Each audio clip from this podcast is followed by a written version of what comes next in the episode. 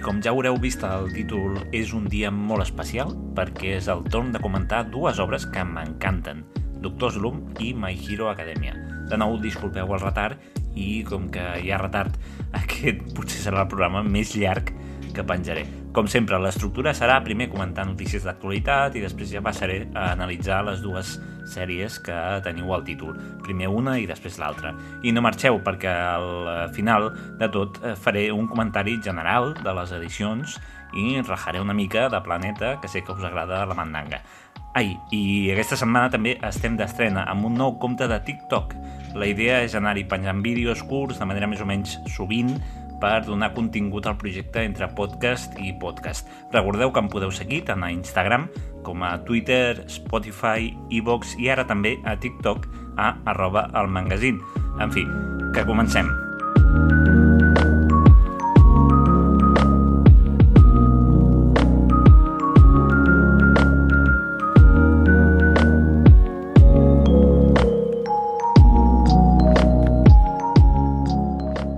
Com que han passat tants dies, avui us porto tot un veritable carregament de notícies d'actualitat que potser us poden interessar. Osama Ranking s'ha acabat. L'anime del que us vaig parlar fa només un parell d'episodis del podcast i que ha representat una autèntica revolució entre el fandom s'acomiada i no sabem quan el tornarem a poder veure. Més que res perquè primer haurà de sortir la versió manga i aquesta primera temporada de 23 capítols adapta 12 dels 13 volums recopilatoris que han sortit al Japó. Per tant, no hi ha gaire més història a adaptar. Tocarà assumir una espera de 3-4 anys fins que puguem continuar-la, a no ser que alguna editorial ens tregui el manga aquí, cosa que no està passant. Això a no ser que m'estigueu escoltant des de les terres del Rosselló, que llavors sí que el podreu adquirir en francès a partir del mes d'abril. I bé, fins aquí les notícies que necessiteu saber aquesta setmana sobre el món del manga i l'anime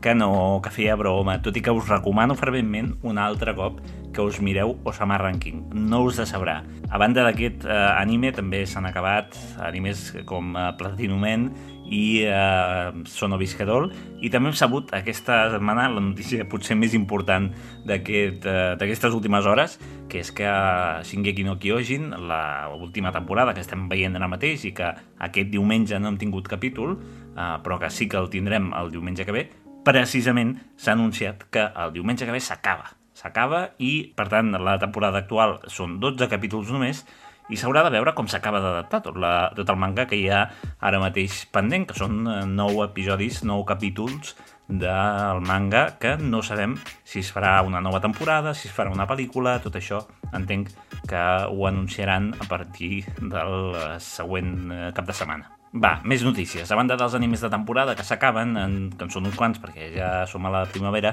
n'hi ha uns quants denunciats. Un que destaca per sobre de tots és l'adaptació de Dead Demons DDD de Destruction, un manga d'11 volums del gran autor Inio Asano que versa sobre com la humanitat eh, s'adapta a una invasió extraterrestre, quines són les seves reaccions i una mica tota aquesta situació que al final acaba sent bastant esbojarrada. En realitat aquesta notícia no destaca perquè el manga sigui un supervendes o que arrossegui molt de fandom, sinó perquè serà la primera obra d'Inio Asano que tindrà un anime. Pels que no el conegueu, Inio Asano és actualment un dels mangakas més coneguts del sector, amb títols com ara Solanin, Reiraku o Oyasumi Pum, entre moltíssimes altres. El seu dibuix i les seves trames ultrarealistes li han fet guanyar-se al públic. Si no l'heu llegit, eh, us el recomano, tot i que també heu de valorar si esteu en un estat anímic suficientment bo per afrontar aquesta mena d'històries. Més anime. Netflix ha anunciat per aquest 2022 l'adaptació animada del conegut videojoc Tekken. Tekken Bloodline, així es dirà la sèrie, s'enfocarà en la vida de Jin Kazama, que alhora el veurem interactuar amb altres personatges mítics d'aquesta saga, com ara Heihachi, Kazuya, entre molts altres. I abans de Tekken, un anime que podem gaudir des d'aquest dilluns és la nova adaptació de Termae Romae, Termae Romae Novae. Ja en vaig parlar breument en un podcast anterior, per tant no em repetiré, però en tot cas, si us agrada les sèries d'humor, doncs endavant, proveu a veure si, si us pot interessar. Més animes. Un altre manga que s'adaptarà a la seva versió televisiva serà Tomodachi Game. Ja ha sortit un vídeo promocional d'aquesta sèrie que podrem gaudir a partir del 5 d'abril a través de Crunchyroll. Tomodachi Game, un manga encara en publicació, té una trama d'intriga al voltant d'un grup d'amics que es veuen immersos en una competició en què s'hi barregen diners i traïcions. Veurem què tal. Passant a les pel·lícules de la distribuïdora, Alpha Pictures ja ha donat a conèixer quan es podrà veure als cinemes la nova entrega del Detectiu Conan. Detectiu Conan, la núvia de Halloween, estarà disponible a partir del 8 de juliol, menys eh, de 3 mesos després que s'estreni als cinemes japonesos.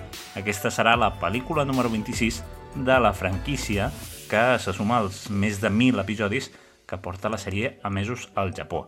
El 2020 vam poder veure la número 25, que duia per títol La bala escarlata i estava disponible amb doblatge en català. En aquesta ocasió, Alpha Pictures no ha confirmat en quines versions la llançaran, així que ja informaré quan se sàpiga. Ah, i parlant del Detectiu Conan, aquest mes de juliol també estarà disponible a través de Netflix la nova adaptació del primer spin-off de la sèrie Zero No Tea Time, se centra en el personatge Toru Amuro. I un altre anime que podem veure des d'aquest dimarts és Kimba, el lleó blanc. Està disponible a la plataforma de Filmin. Kimba és, podríem dir, una de les sèries més importants del déu de manga, Osamu Tezuka.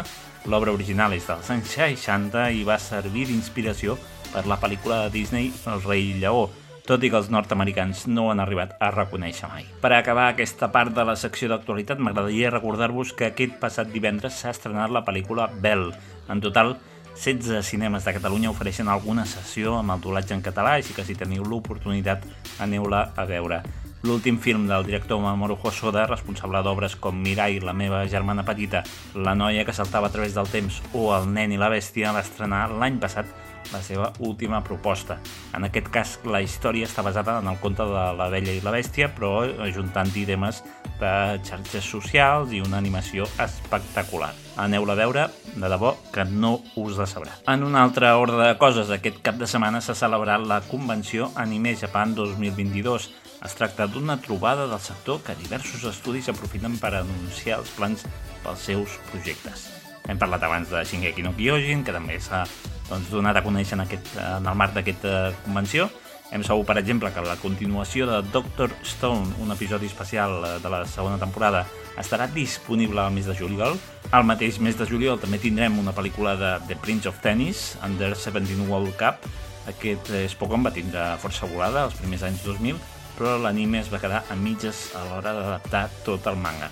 Ara l'han recuperat i veurem quin futur li espera. També s'han donat a conèixer molts eh, tràilers, vídeos promocionals d'altres sèries, però en general el gruix de les notícies més importants vindria a ser aquest resum. En manga només destaco dues notícies. La primera és que ja està disponible a la prevenda de Himitsu Sentai Gorenga, el nou títol de l'editorial Oso Comics, tant en català com en castellà. Oficialment a botigues es preveu que hi sigui a partir de l'11 d'abril. Si voleu saber de què va, podeu recuperar el podcast que vaig fer sobre el gènere Super Sentai i Kamen Rider, però de totes maneres, com m'arribi, ja us en faré una ressenya per veure què tal uh, és aquest manga. I un altre editorial, en aquest cas Panini, ha anunciat aquesta setmana passada tres noves llicències. Es tracta de dos mangas de gènere Boys Love i un de la línia de Marvel Manga. Els dos primers són Coyote i Escape Journey, mentre que l'últim s'anomena Marvel Zombies. Si us interessa saber-ne més, podeu anar a les xarxes de l'editorial per tal de bitxejar una miqueta que hi ha al darrere de cadascuna de les obres. I acabo aquesta secció d'actualitat amb un últim apunt, i és que el govern espanyol ja ha aprovat el bo cultural jove de 400 euros pels que aquest 2022 hàgiu complert o compliu els 18 anys.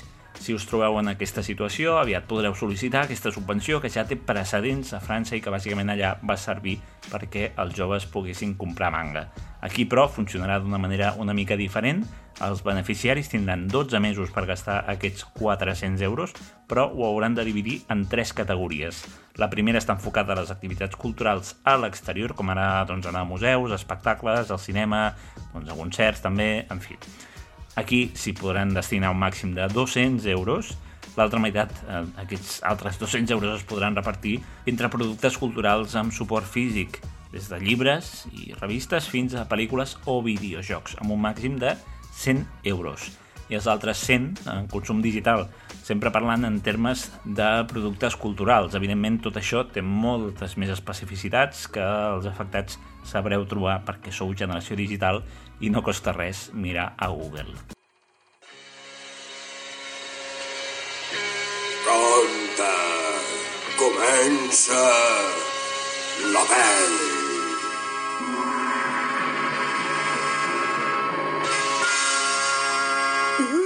Ha arribat el moment. Aquest dimecres 23 de març s'han posat a la venda dues grans sèries de manga en català. L'editorial Planeta ja va anunciar-ne la publicació el passat Manga Barcelona. Inicialment havia de ser per Sant Jordi, però al final s'ha pogut avançar un mes.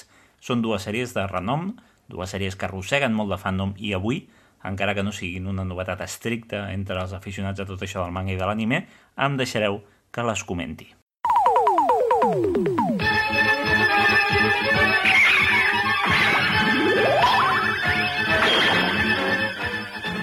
Doctor Slum! Ja està aquí, ja arriba Carolé. Tin, tin, tin, tin, tin, tin, tin, tiqui, tiqui, tin, tin, tin. Tinqui, tinqui, tingatxan, oh, que bé. Tal com vaig explicar en anteriors podcasts, eh, la sèrie blanca de Bola de Drac, el còmic en català, ens va arribar l'any 1992. Ho va fer després d'un èxit televisiu sense precedents. Un fenomen que encara avui, per molts Kimetsus i Narutos que sorgeixin, jo diria que és incomparable. Això va obrir la porta que es publiquessin molts més mangas, no cal repetir-ho. El tema és que Bola de Drac no va ser la primera obra de Kira Toriyama que vam conèixer a casa nostra. La primera va ser l'Arare, o en el seu nom oficial, el Doctor Slum. Va ser pels vols de l'any 1987 quan la figura de Màrius Vistany va aparèixer venent a Televisió de Catalunya un producte teòricament infantil ple d'humor i també de moltíssimes referències de pel·lícules i sagues d'aquella dècada i les anteriors. Sóc en Superman, l'home menja prunes, a tu. Marius Vistany va ser el responsable inicialment d'aquesta primera arribada d'anime en català a través de contactes que ell mateix feia a França amb la, en aquells moments, poc coneguda Toei Animation. Dic eh, poc coneguda per naltros, clar, perquè als anys 80 ja era responsable de grans èxits com el mateix Mazinger Z, Candy Candy o Capità Harlock. El que passa és que aquell triangle amb lletres japoneses impresa en un fons com de platja o costa marítima faltaria uns anys perquè ens en canséssim de veure'l. Com bé sabreu, l'any 1983 es funda Televisió de Catalunya i després de les primeres emissions la direcció busca programes bons i barats per omplir la graella, naturalment també eh, diferents als que ja tenien les dues cadenes públiques espanyoles. Va ser en aquest moment en què les distribuïdores, com la de Màrius Vistany, entren en escena veient que hi ha un mercat eh, de televisions autonòmiques per les quals pot ser més o menys rendible treballar. Doctor Slum va ser, de fet, un dels programes que va aconseguir vendre a TV3, que buscava desesperadament continguts adreçats a un públic infantil. I en aquella època, tot el que fossin dibuixos es considerava infantil, fins i tot si tenia escenes sexuals explícites. No era el cas de Doctor Slum, encara que sí que hi ha molt a parlar sobre el que s'hi pot veure.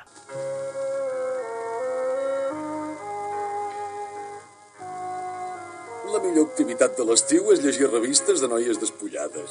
Immoral, indecent, immoral.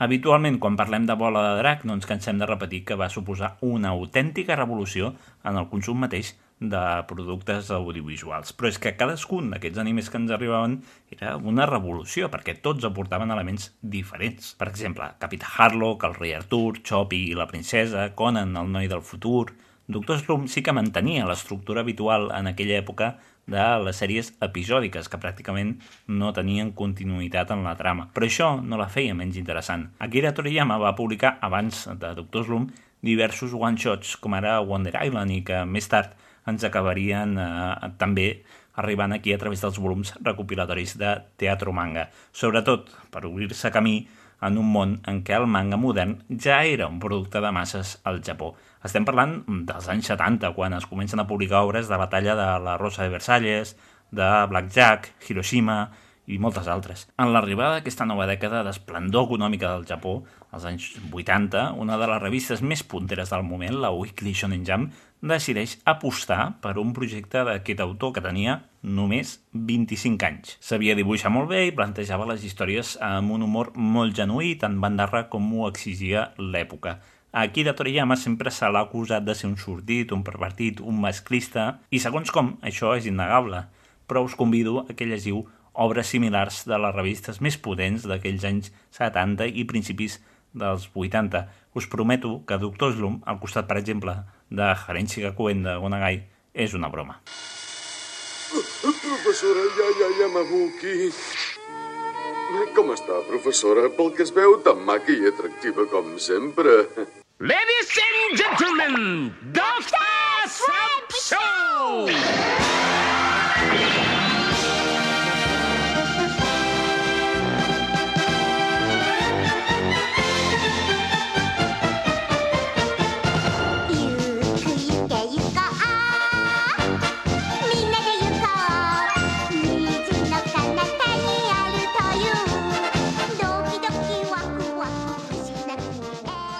Doncs això, a partir del 1980 se serialitza la Shonen el Dr. Slump ho fa durant 4 anys, fins al 1984. Els més fans sabran per què.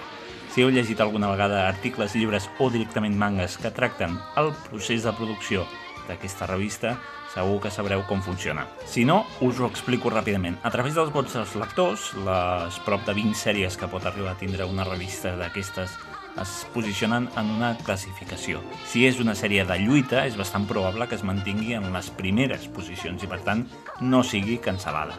Però també pot passar que un d'aquests mangas tingui posicions mediocres o normaletes i se segueixi publicant. Això passa sobretot quan la revista necessita diversitat de temàtiques. Per no allargar-me gaire, la Shonen Jump té mangas de lluita, sí, però també en té de misteri, de ciència-ficció, d'esports o d'humor. Les sèries d'humor són complicades de mantenir perquè l'humor de cadascú és lògicament diferent. El que et pot fer gràcia a tu no té per què fer-me'l a mi. Doncs per aquesta última categoria va decidir apostar Akira Toriyama a la seva sèrie llarga de debut. I ho va patar, com bé sabeu, perquè probablement sigui el manga humorístic que més persones seran capaces d'anomenar arreu del món. L'any 1980 es començava a publicar el manga i no gaire més tard, amb una diferència d'uns mesos, va aparèixer l'anime, el 1981. Puc saber qui ets? Ah, disculpin, senyor Corp, sóc l'home dels caramels número 4. No em coneix perquè m'ha construït el famós doctor Mashirito no fa gaires dies. Me n'alegro molt de conèixer-lo. En Machirito? Ah, sí, home, aquell individu tan estrany.「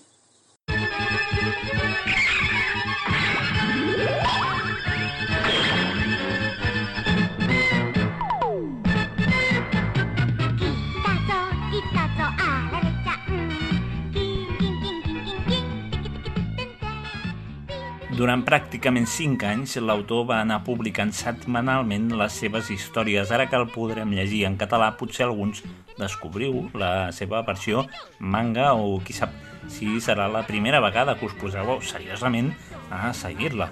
El que us trobareu, i potser us exploti el cap, és un manga que ni Toriyama mateix hi semblava creure. Segurament quan el va començar tenia una idea determinada, potser una cosa relativament curta, però a causa de l'èxit que va recollir va haver d'allargar-lo i allargar-lo fins que va dir prou. I estranyament, aquesta falta de seriositat o de coherència argumental funciona molt bé, tal com ell és capaç d'expressar-ho a través de les seves vinyetes. Aquests últims dies m'he estat llegint el manga des del principi fins al final, que el tinc en castellà, i realment la curiositat que m'ha agafat per veure aquella època i saber com devien ser les converses entre l'editor Kazuhiko Torishima i el mateix Toriyama setmana rere setmana, és que no us la podeu imaginar, la meva curiositat. Torishima es nota que va donar absoluta llibertat a aquest geni perquè fes el que li donés la gana. Si volia parodiar-se a si mateix, ho feia. Trencava allò que en diem la quarta paret constantment. Fins i tot trencava els límits de les vinyetes perquè realment fossis capaç de veure tot el procés creatiu darrere de cada capítol. Quan algú diu que Doctor Slum no seria una obra que avui pogués publicar-se, jo ho entenc d'una manera totalment diferent, perquè, repeteixo, té moltíssims gags masclistes i utilitza aquella mena d'humor ridiculitzant, com ara assenyalant les diferències físiques dels de, personatges, que és veritat que avui això no seria acceptable, però és que, per sobre de tot, un editor de la Shonen Jump en ple 2022 seria dificilíssim que acceptés que un autor fes el seu propi camí d'aquesta manera. És que sembla que Toriyama en alguns capítols s'estigui rient directament dels mateixos lectors. Veus com hi ha moments que ell mateix no tenia ganes de dibuixar o que no tenia idees noves i llavors directament repetia arguments o de sobte feia tot un capítol sense diàlegs i reciclant temes. Per exemple, jo no sé quantes històries de curses, competicions esportives, eh, Grand Prix o, o invasions d'extraterrestres hi ha al llarg del manga. Moltes, ja us dic ara. I tot i així, és hilarant a cada instant, manté un nivell molt bo, i sé que no a tothom li agrada l'Arare. A mi l'humor absurd tampoc m'acaba de convèncer, per norma general, però sí que hi ha algunes sèries que em fan riure moltíssim. Menció especial per a determinat moment de Doctor Slum, que vaig llegir a certes hores de la nit, espero que els veïns no em sentissin, per no fer cap spoiler, diré que en una d'aquestes competicions esportives de les que parlava hi ha un moment en què el jutge ha de dir qui és el guanyador. I finalment, després de molta espera, li dona el premi a la seva xicota, que estava entre el públic. Aquestes sortides absolutament random, que de vegades et dona Doctor Slum i segons com eh, és per agafar i llançar-lo per la finestra, però és que jo em partia la caixa en el moment de llegir-ho, de debò. Doncs el campió és... Ja ho sabem, però qui és? Ja era El campió és la Betty! Què? Sóc jo? Quin, quin escàndol, senyors, quin desastre! El premi va mans d'una noia del públic, la Bet i tot perquè en Rondinaire n'està enamorat. És la vergonya més gran que s'hagi vist mai.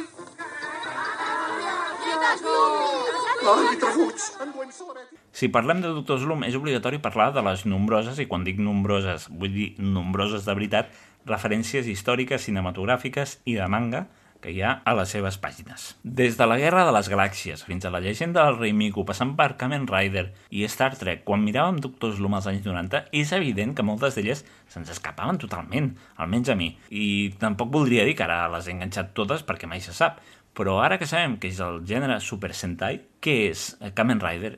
Qui era Miyamoto Musashi o tot el tema dels monstres de Gamera, Godzilla, King Kong i tal, encara podem gaudir més de la sèrie. És que, per posar un altre exemple, ja acabo, hi ha un moment en què Akira Toriyama, encarnat com l'autor de la sèrie dins del mateix manga, es posa a parlar malament d'un altre autor eh, amic seu. Aquest autor és Masakazu Katsura. Quan als anys 80 el Doctor Slum es va passar per primer cop, evidentment ningú d'aquí sabíem qui era Masakazu Katsura, però eh, no va trigar gaires anys a fer-se famós aquí també, amb els mangas com eh, Is, Video Gelai, Jetman o DNA2. Quan la vam veure per primer cop la disfrutàvem moltíssim perquè aquestes referències o bé no són importants per la trama o bé estan incloses de manera que puguis entendre per on va. Però és que ara, almenys pels qui ja comencem a tindre una edat, és encara més disfrutable. Això sí, com dic, no t'ho has de prendre tot al peu de la lletra. No és una història que vulgui tindre coherència. El mateix autor es va inventant excuses per resoldre aquestes qüestions que de vegades costen d'acceptar, com cada cop en un capítol la Terra es parteixi per la meitat per culpa de l'Arare i el següent tot torni a la normalitat. Ell mateix intenta trobar raonaments inverosímils perquè vegis que no hi has de buscar tres peus al gat, que no cal, que si llegeixes Doctor Slum és perquè vols passar una estona entretinguda i déu nhi si ho aconsegueix. El seu humor, com dic, és totalment absurd. Absurd de caga pipi cul. Tan absurd que l'autor simplement t'intenta arrencar un somriure en base d'hòsties de l'arare contra persones, coses o contra el mateix planeta Terra. Evidentment, aquesta mena d'humor no se'l va inventar era Toriyama, però sí que si preguntéssim als autors de manga més contemporanis que precisament s'han dedicat alguna vegada a aquest gènere, de l'humor, de ben segur que respondrien eh, que una de les seves fonts d'inspiració és aquella sèrie dels anys 80. A qui no li recorda l'Arare la Yotsuba, aquella nena que protagonitza el manga que porta el seu propi nom. No per les hòsties que fot, que no és el cas, però sí per aquesta innocència absoluta. I si parlem d'hòsties, cal que recordi l'humor de One Punch Man, o en certa manera aquest humor tan genuí també el podem apreciar a One Piece. I això que no estic parlant de Bobobo o de Gindama, que és evident que hi ha múltiples préstecs de Doctor Slum. Però no només en altres autors. Doctor Slum va ser una mina d'on eh, Toriyama va treure moltíssims personatges per bola de drac i a partir d'aquí ell va començar a crear un univers, un univers propi, amb robots, monstres, animals, paisatges, que són calcats en una i l'altra obra. La magnitud del meu geni m'espanta. Ser capaç de fer amb tanta facilitat un robot que pareix una xiqueta. Professor, Eh? Què vols? jo puc volar? Tal com he dit al principi, aquesta setmana és la primera de tota la història en què per fi podem llegir el Doctor Slum en català. Però l'anime el vam poder veure senceret a través de Televisió de Catalunya i més tard també a la televisió valenciana amb els seus 243 episodis. No cal que us digui que els 15 volums que ens en van d'aquesta edició que es posa a la venda, ni els 18 originals, no donen per tants capítols televisius, per tant, ens en van menjar moltíssims ideats directament des de Toei Animation, allò que en podríem dir capítols de farcit. I és important dir que Doctor Slum també va causar furor. Jo encara no en tenia consciència, només tenia un any, quan es va començar a emetre la televisió de Catalunya, però les llegendes diuen molts nens i nenes es van enfadar el dia en què van canviar el Doctor Slum a la graella de TV3 per Bola de Drac. La direcció de la cadena els havia tret al seu lloc, al seu moment de relaxament després de l'escola o l'institut, mentre menjaven el berenar. Jo, Doctor Slum, recordo haver-la vista en les reposicions i m'imagino perfectament el sentiment que devien tindre aquella canalla perquè en cap moment la sèrie et dona senyals conforme allò s'estigui acabant. Tu assumeixes, sobretot quan ets petit, que com que són capítols gairebé autoconclusius, la fórmula es pot allargar tot el que sigui necessari. De fet, al final és com molt abrupte.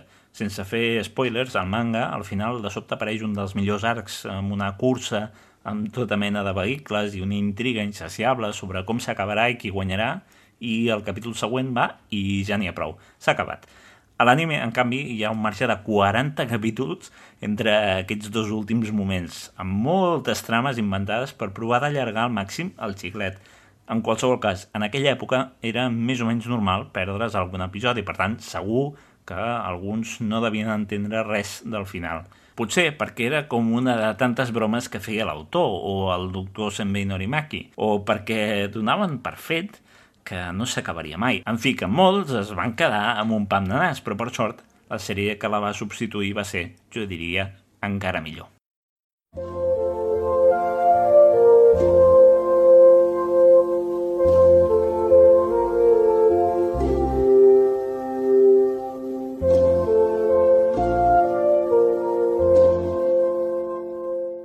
Quan Planeta va publicar Bola de Drac i va veure l'èxit que tenia el còmic en català, quan no havia passat ni un any, va anunciar a través d'aquests mateixos còmics de Bola de Drac que hi hauria més sèries en la nostra llengua. Primer ho faria amb Doraemon, el gat còsmic, i més tard seria el torn del Doctor Slum. Això està escrit. D'això estem parlant de fa precisament 30 anys. I endevineu què?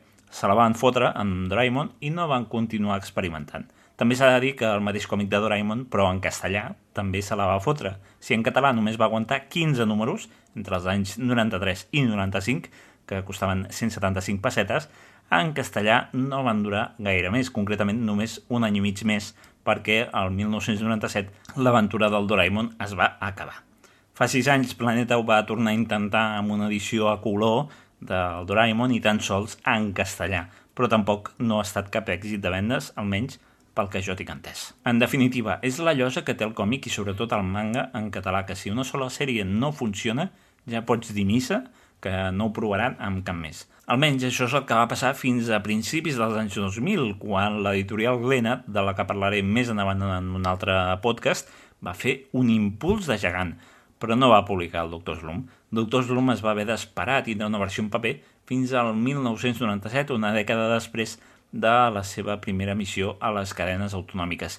És curiós perquè fins i tot a finals del segle passat encara no hi havia cap doblatge de la sèrie en castellà, per tant, hi havia molts racons a l'estat espanyol en què això de l'agrari ni ho havien olorat. Sí que hi havia castellanoparlants que sabien de l'existència d'aquest eh, anime per TV3, per exemple, perquè en aquells temps hi havia un tràfic bastant important de VHS, de tot el que s'emetia a la televisió, o també hi havia revistes que en parlaven però no era de consum majoritari. Per tant, tot i que el públic de Doctor Slum era bàsicament catalanoparlant, galaicoparlant o bascoparlant, Planeta va acabar publicant el manga només en castellà. No sabria dir si se la va fotre, perquè a diferència d'altres sèries de l'època no va acabar cancel·lada, van sortir 40 números en format biblioteca manga, en format de mig volum, 88 pàgines, que costava 595 pessetes, uns 3 euros i mig, força car pels anys eh, dels que estem parlant.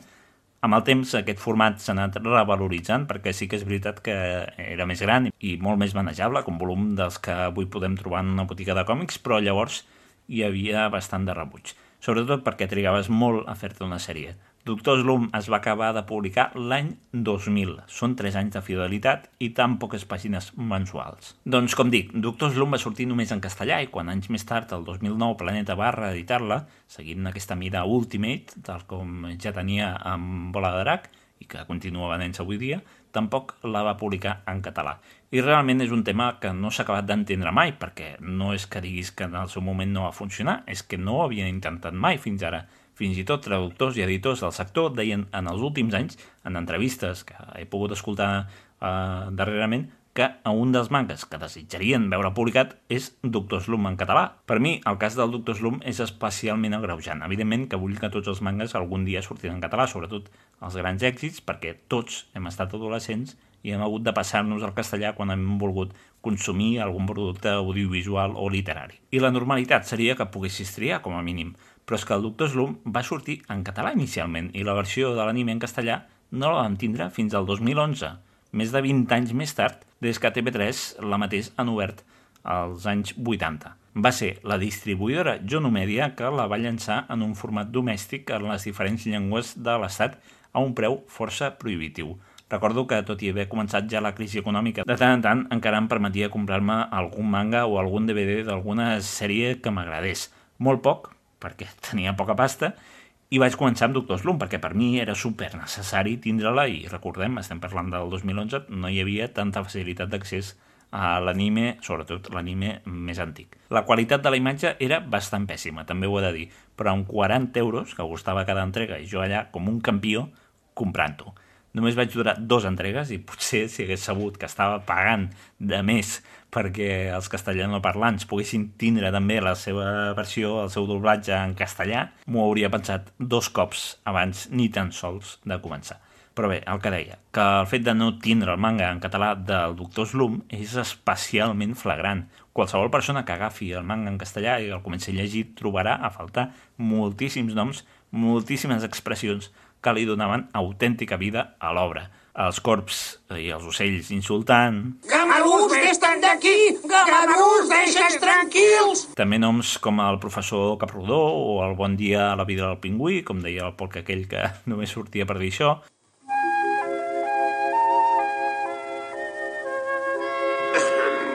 El matí ha arribat a la vila del pingüí o les cançons més genuïnes que agafaven les cançons tradicionals catalanes i les fotien allà amb un embut i tu pensaves que era normal que es posessin a cantar les nenes maques al matí. Clar, ara mateix, si no et compres el manga en català, agafes la versió en castellà i tens cançons veritablement castisses o expressions que disten molt d'allò que vam veure fa molts anys a la televisió. És com si el sentit d'algunes escenes canviés. Soc conscient que aparentment poden semblar simples detalls, però jo de debò que sento que estic llegint una cosa totalment diferent. Igualment, entretinguda i molt disfrutable, però diferent.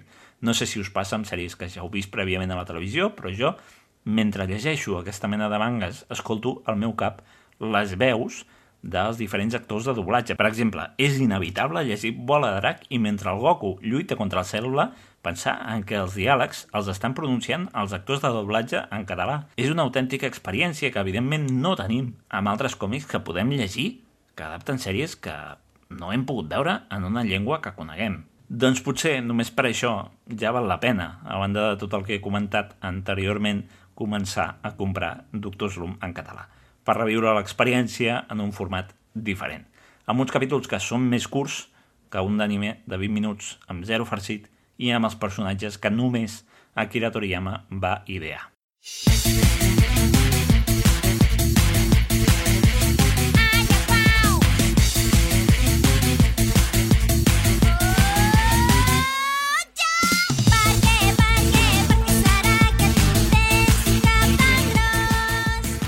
Ja per anar acabant, amb Doctor Slum m'agradaria parlar un moment de què va passar després que s'acabés la sèrie original.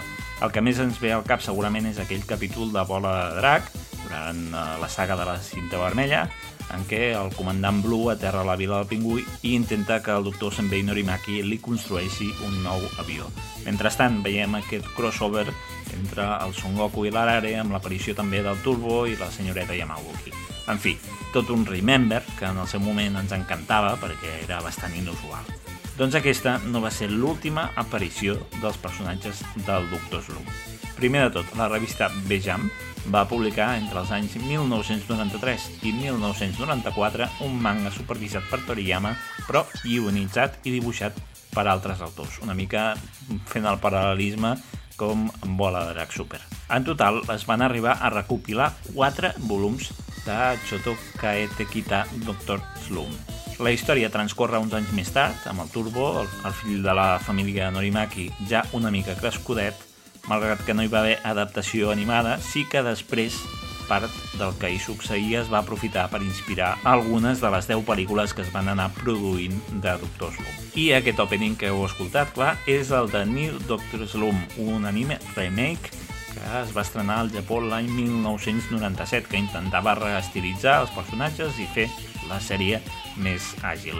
Els que la vau veure a Televisió de Catalunya a partir de l'any 2002 segurament estareu d'acord amb mi que no era ni de bon tros tan divertida com l'original. Amb 74 episodis, menys d'un terç que la primera sèrie eh, del Doctor Slum, es va acabar cancel·lant. I aquí no es va acabar el periple del Doctor Slum perquè, a banda del recorregut en matèria de marxandatge que continua tenint avui dia, la Jam va publicar l'any 2007 un one-shot sobre un nou robot del doctor Mashirito, Avale-chan. En comptes d'Arale, Avale. Era una còpia de l'Arare, però més forta i amb un look diferent, més rebel i passota, podríem dir, adaptada, o almenys així ho creien els autors, als nous temps. El capítol extra, aquest cop sí, a càrrec del mateix Toriyama, es va arribar a adaptar fins i tot a anime, en un curt de 5 minuts que va servir de prèvia d'una pel·lícula de One Piece. Tant el curt com el mateix capítol de manga avui dia són fàcils de trobar, però no de manera legal, ja m'enteneu. Tots preparats!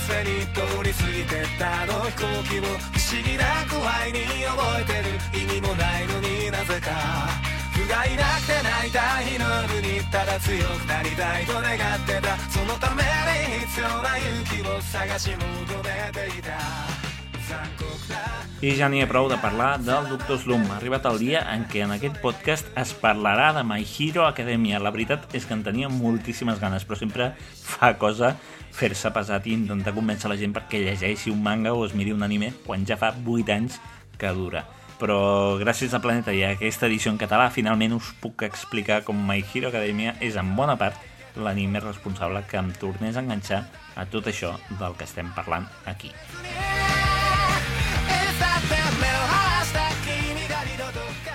My Hero Academia és una sèrie llarguíssima, o almenys així es preveu que sigui. Al Japó ja s'han publicat 33 volums del manga i s'han emès 113 episodis de l'anime en un total de 5 temporades.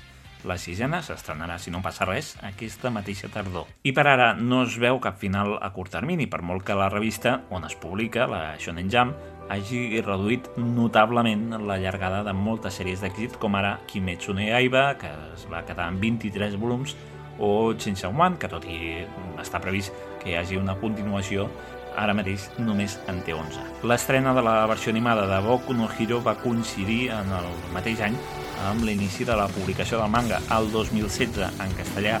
Des de llavors, Planeta ha publicat 29 volums en castellà i endevineu qui se la va comprar fins fa ben poc, pensant-se que això seria impossible que arribés mai en català. Però sí, per molt que ja hi hagi eh, tan publicat, el fet que cada mes surtin al mercat dos volums ens pot col·locar a una igualtat relativa a partir de finals de l'any 2023, més o menys aquests serien els càlculs. Per tant, qui no vulgui tornar a comprar-se tots els volums en català, si ja els té en castellà, pot deixar-ho de fer ara i esperar només un anyet a pujar-se al carro de nou. Més tard parlaré de l'edició i de les diferències que hi han posat, però ara deixeu-me parlar del Deku i companyia una estona.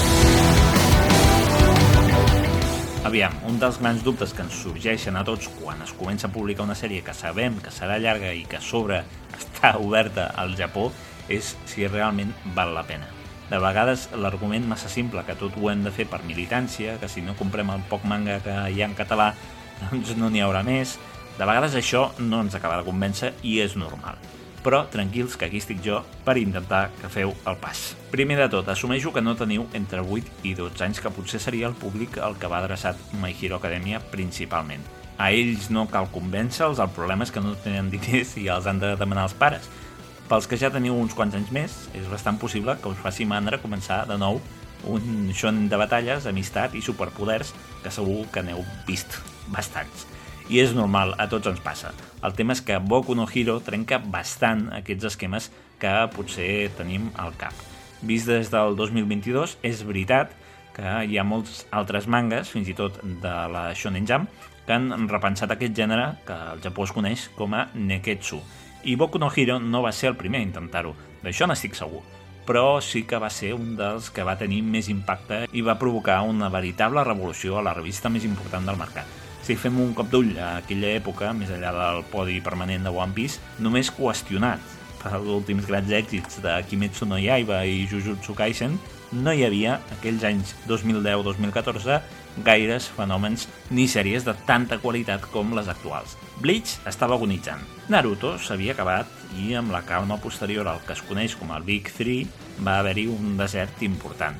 Només Haikyuu, Assassination Classroom, Food Wars, Bakuman Toriko o Gintama són sèries avui dia reconegudes i amb un nivell suficient com per intentar liderar, encara que sigui en segon lloc, per sota de One Piece, la Weekly Shonen Jump.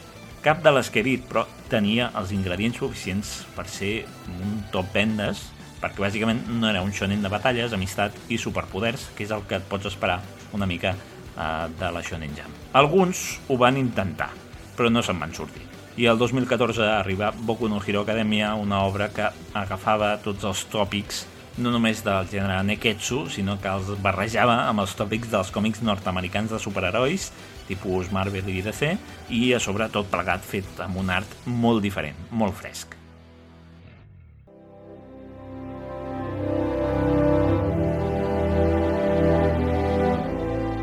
Es nota que l'autor Kohei Horikoshi volia fer una cosa totalment nova, fins i tot on el protagonista en tingués eh, sovint un paper absolutament secundari. Perquè no són pocs els personatges que crea i realment tenen un rol important en la història.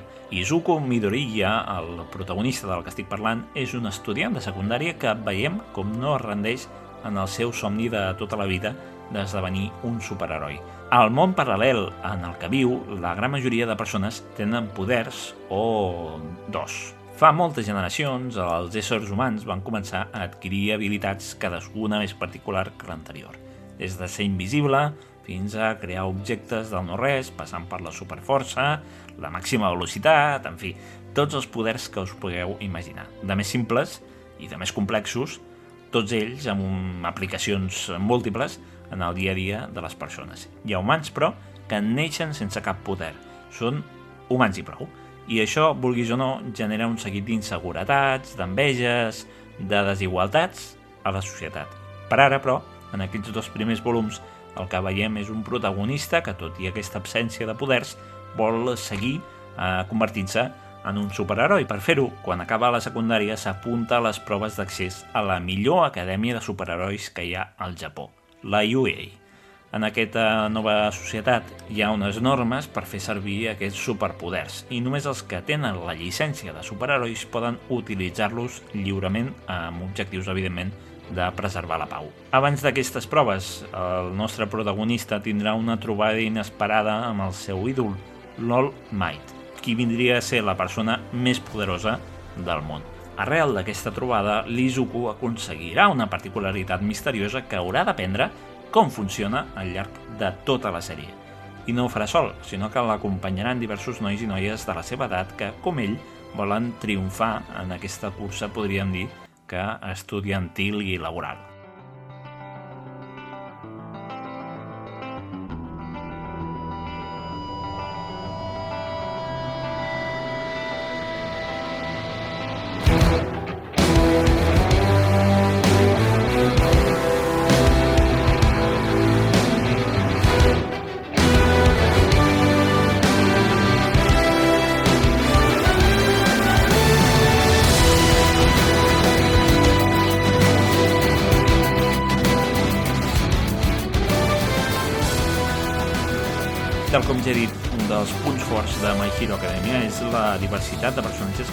Sobretot, la seva evolució. Si comparem amb mangas anteriors de la Shonen Jump del mateix estil, no té res a veure el valor que donen des d'un primer moment a tots i cadascun d'ells.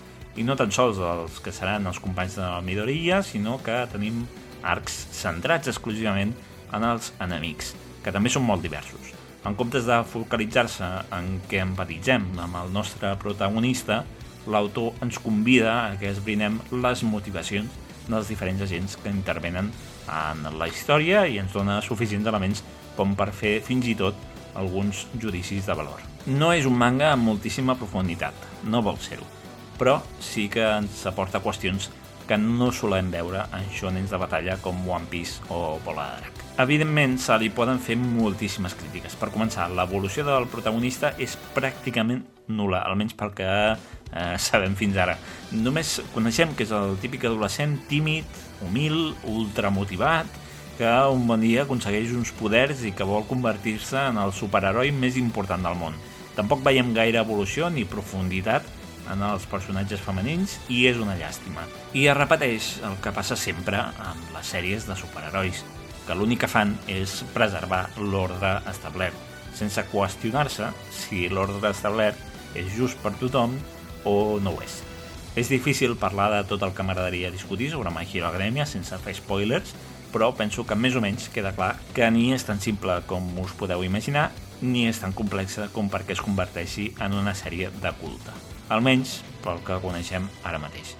Kohei Horikoshi ha creat, això sí, un autèntic univers que li permet explotar durant molt de temps aquesta franquícia. Està tot suficientment ben construït, la trama està tan ben lligada que realment és interessant i no pots parar de llegir o de mirar l'anime perquè vols saber més. Per això segurament també han tingut èxit els eh, spin-offs que han anat traient a banda del manga original. La gent vol saber més, no només sobre els personatges, sinó sobre aquest mateix món paral·lel, i és normal. El que passa és que fins ara potser no s'havia sabut explotar prou bé, no ho sé. La fórmula, com veieu, és bastant senzilla, però funciona. S'hi tracten moltíssims temes com l'esforç, l'amistat, evidentment preservar la pau i protegir els indefensos, intentar millorar constantment...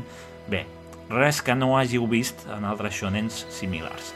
És una d'aquelles històries que, per molt que et pugui interessar saber com s'acabarà, posem el cas de One Piece, realment hi ets per gaudir del camí. Jo personalment m'hi vaig pujar primer per la premissa, que em sembla bastant disruptiva, és a dir, imaginar-me un món en què gairebé tothom té un do diferent al de la resta i que a partir d'aquí es genera una societat alternativa amb estructures que necessàriament s'han d'adaptar als canvis. A mi aquesta premissa em semblava que podia tenir moltes potencialitats. Amb els anys puc dir que no ha complert les meves expectatives màximes, però sí que puc dir que encara que superficialment ha tocat temes que em semblaven necessaris. Per exemple, sense fer spoilers, eh? tampoc vull avançar-vos la trama, però què passa amb les persones que no tenen cap do en aquest univers paral·lel? Són tots uns ultramotivats, com el nostre protagonista, l'Izuku Midoriya, tots ells admiren els superherois, no hi ha cap brot d'insurgència, i què passa amb el crim organitzat? Imagineu-vos que de sobte els lladres poguessin cremar un edifici sencer amb els seus poders. Doncs bé, tot això hi és. Ja dic, no és un manga ultra profund, però tampoc no s'escapa d'aquestes reflexions que ens poden sorgir a tots pensant en aquest món alternatiu.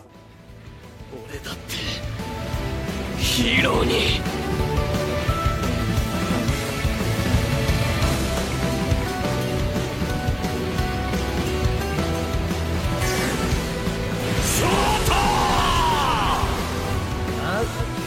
己を受け入れたかそうだいいぞここからがお前の始まり俺の血を持って俺を超えていき俺の野望をお前が果たせ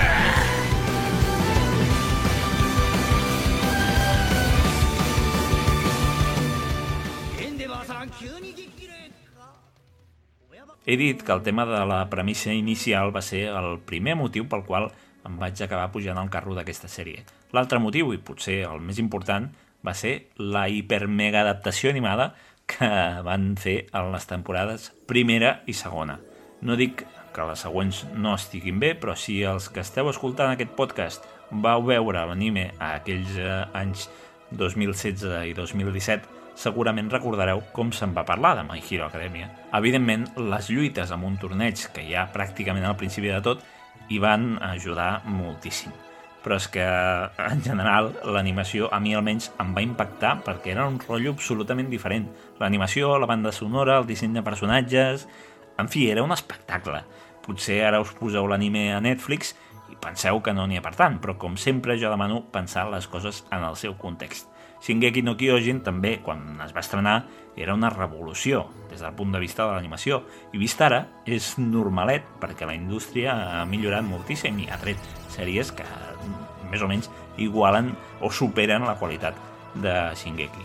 Però bé, la gràcia és gaudir del que ens agrada i si per casualitat he fet que com a mínim li doneu una oportunitat, ja estic satisfet.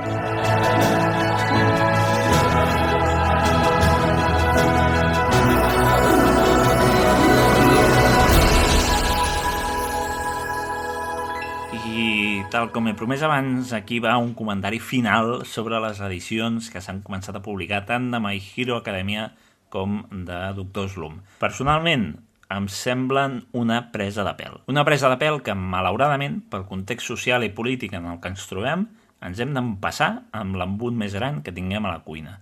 Siguem sincers, és l'únic que tenim i si no hi donem suport no tindrem res més en un futur no gaire llunyà. Ja sabeu que en aquest podcast intento ser sincer sobre les sèries que, de les que parlo.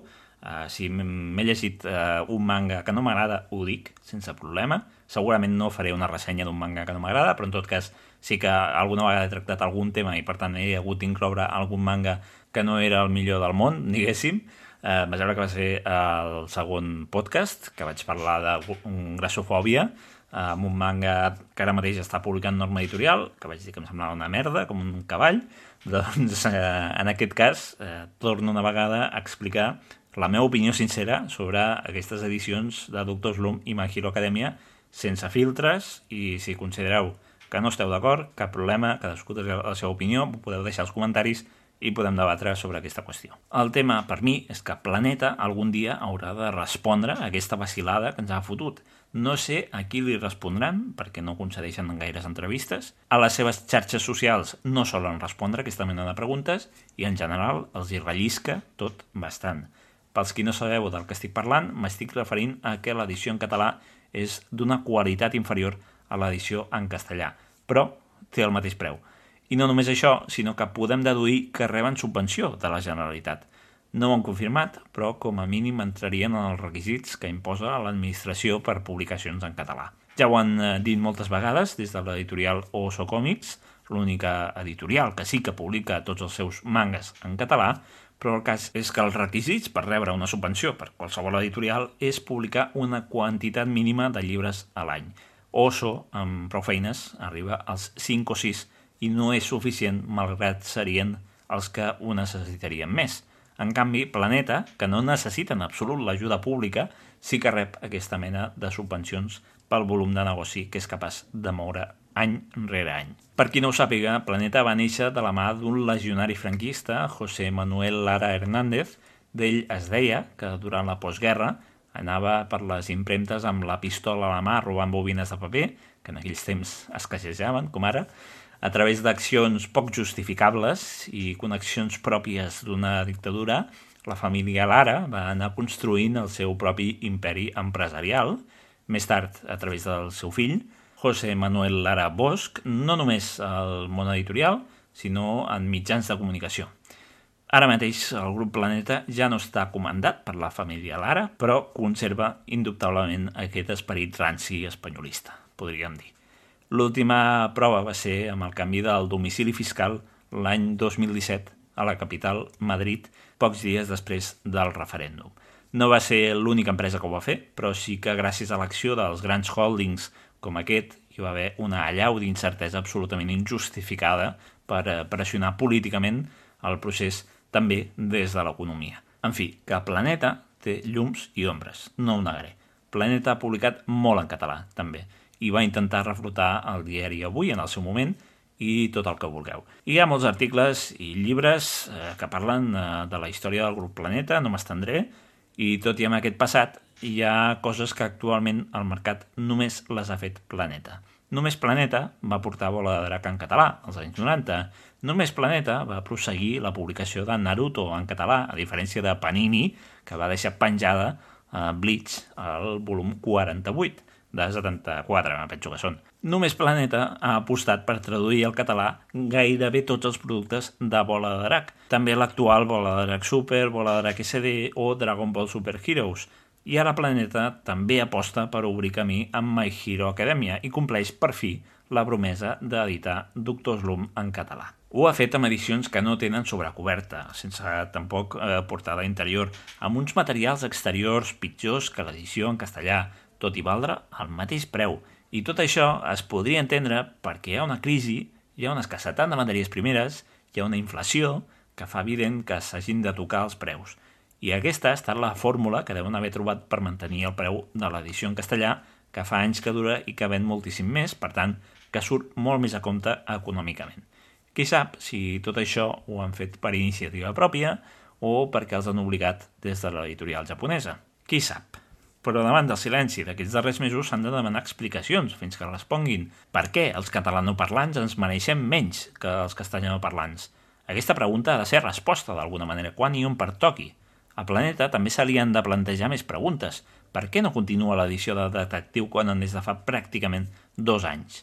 Bé, i abans del 2020 feia 12 anys que havien deixat absolutament aturada la versió en català. És evident que Planeta no deixa de ser una empresa privada i que poques explicacions se li poden demanar. Malauradament, com dic, l'actual context social i polític no permet garantir uns mínims de respecte a la llengua catalana i als catalans en general. Ara bé, si realment volem manga en català, i jo en vull, la primera empresa que pot fer-ho possible és Planeta. Planeta ocupa actualment la meitat de les vendes del mercat del manga a tot l'estat espanyol. Ho va dir el seu editor en una entrevista del passat Saló del Manga, no sé si és del tot cert, però en tot cas és qui té una major capacitat econòmica per arriscar a publicar eh, en català. I si ho fa, encara que parteixin amb avantatge, jo penso que ho hem d'aplaudir, però això no treu que no hàgim de ser exigents. No m'agradaria que això que he dit ara us faci repensar-vos comprar My Hero Academia o Doctor Slum en català, si al final us he convençut. Al revés, m'agradaria que tinguéssim en compte que això que ha passat aquest 2022 és un gran èxit perquè feia una dècada que no es publicava manga mainstream en la nostra llengua. Cal agrair moltíssim la feina d'Oso Comics i és a qui més s'ha de donar suport, més que res perquè ells sí que creuen en el català de debò, això d'ara de Planeta no deixa de ser una campanya de neteja d'imatge o qui sap si han vist un nínxol de negoci poc explotat, però no és una iniciativa per la qual ells mm, puguin arribar a ser capaços de perdre-hi diners de manera momentània per fomentar que la gent llegeixi en català també. Precisament per això hem d'entendre el context actual i aprofitar-lo, que no torni a passar com quan Glenat va començar a publicar Inuyasha, Naruto, Bleach, Love Hina, Fushigi Yugi, Cinturó Negra i tantes altres en català. En aquells temps no van tindre una resposta adequada per part del públic. Jo mateix no els vaig comprar gairebé res. I per mi i per tanta altra gent la cosa no va funcionar. Ara m'agradaria que realment funcionés, que el sortís a compte, perquè això voldrà dir que publicaran més en català. No publicaran tot en català, però sí que tindrem més diversitat i podrem triar, cosa que ara mateix no podem fer. Un altre tema, i ja per anar acabant, que m'estic cansant fins i tot jo d'escoltar-me, és la motivació que hi ha darrere d'haver publicat My Hero Academia en català ara mateix. Amb Doctor Slum podem mig entendre-ho perquè va ser una promesa que van fer fa 30 anys i mira, es deuen haver il·luminat, jo què sé. Però recentment la Corporació Catalana de Mitjans Audiovisuals, és a dir, TV3, va anunciar que estava treballant en un canvi de rumb pel canal del Club Super 3. És un canal infantil, per la qual cosa ja han avisat que no hi haurà un nou 3XL ni res semblant, però sí que han reconegut que estan treballant en la possible emissió de més animes. Actualment tenen Detectiu Conan i fa poc també feien La màgica d'Orrimí. Per tant, en tot cas, estaríem parlant d'animes adreçats a un públic d'edats inferiors als 12 anys. Aquí, My Hero Academia hi entraria perfectament. I qui sap si també Doctor Slum, que consti que estic especulant, però no seria descabellat pensar-hi, perquè per molt que Boku no Hero sigui l'anime i el manga del moment entre els més petits, a banda de Naruto, clar, no deixa de ser arriscat fotre's a publicar un manga que té ja 30 volums en castellà. Vull dir que podrien haver-ne triat un altre o quedar-se amb Doctor Slum, però no ho han fet. També podria ser que simplement tinguin una estratègia comercial adreçada a les mares i als pares – D'una banda, cobreixen el flanc de la nostàlgia amb l'Arare, una sèrie que potser també voldran introduir als seus fills, tal com està passant en molts casos amb, Bola de Drac, i de l'altra, els fills no demanen Doctor Slum, sinó que volen My Hero Academia i necessiten els diners dels seus progenitors. Només són alocubracions, però són dues teories, la de l'anime al canal Super 3 o la de l'estratègia comercial adreçada als otakus amb fills que m'encaixarien perfectament.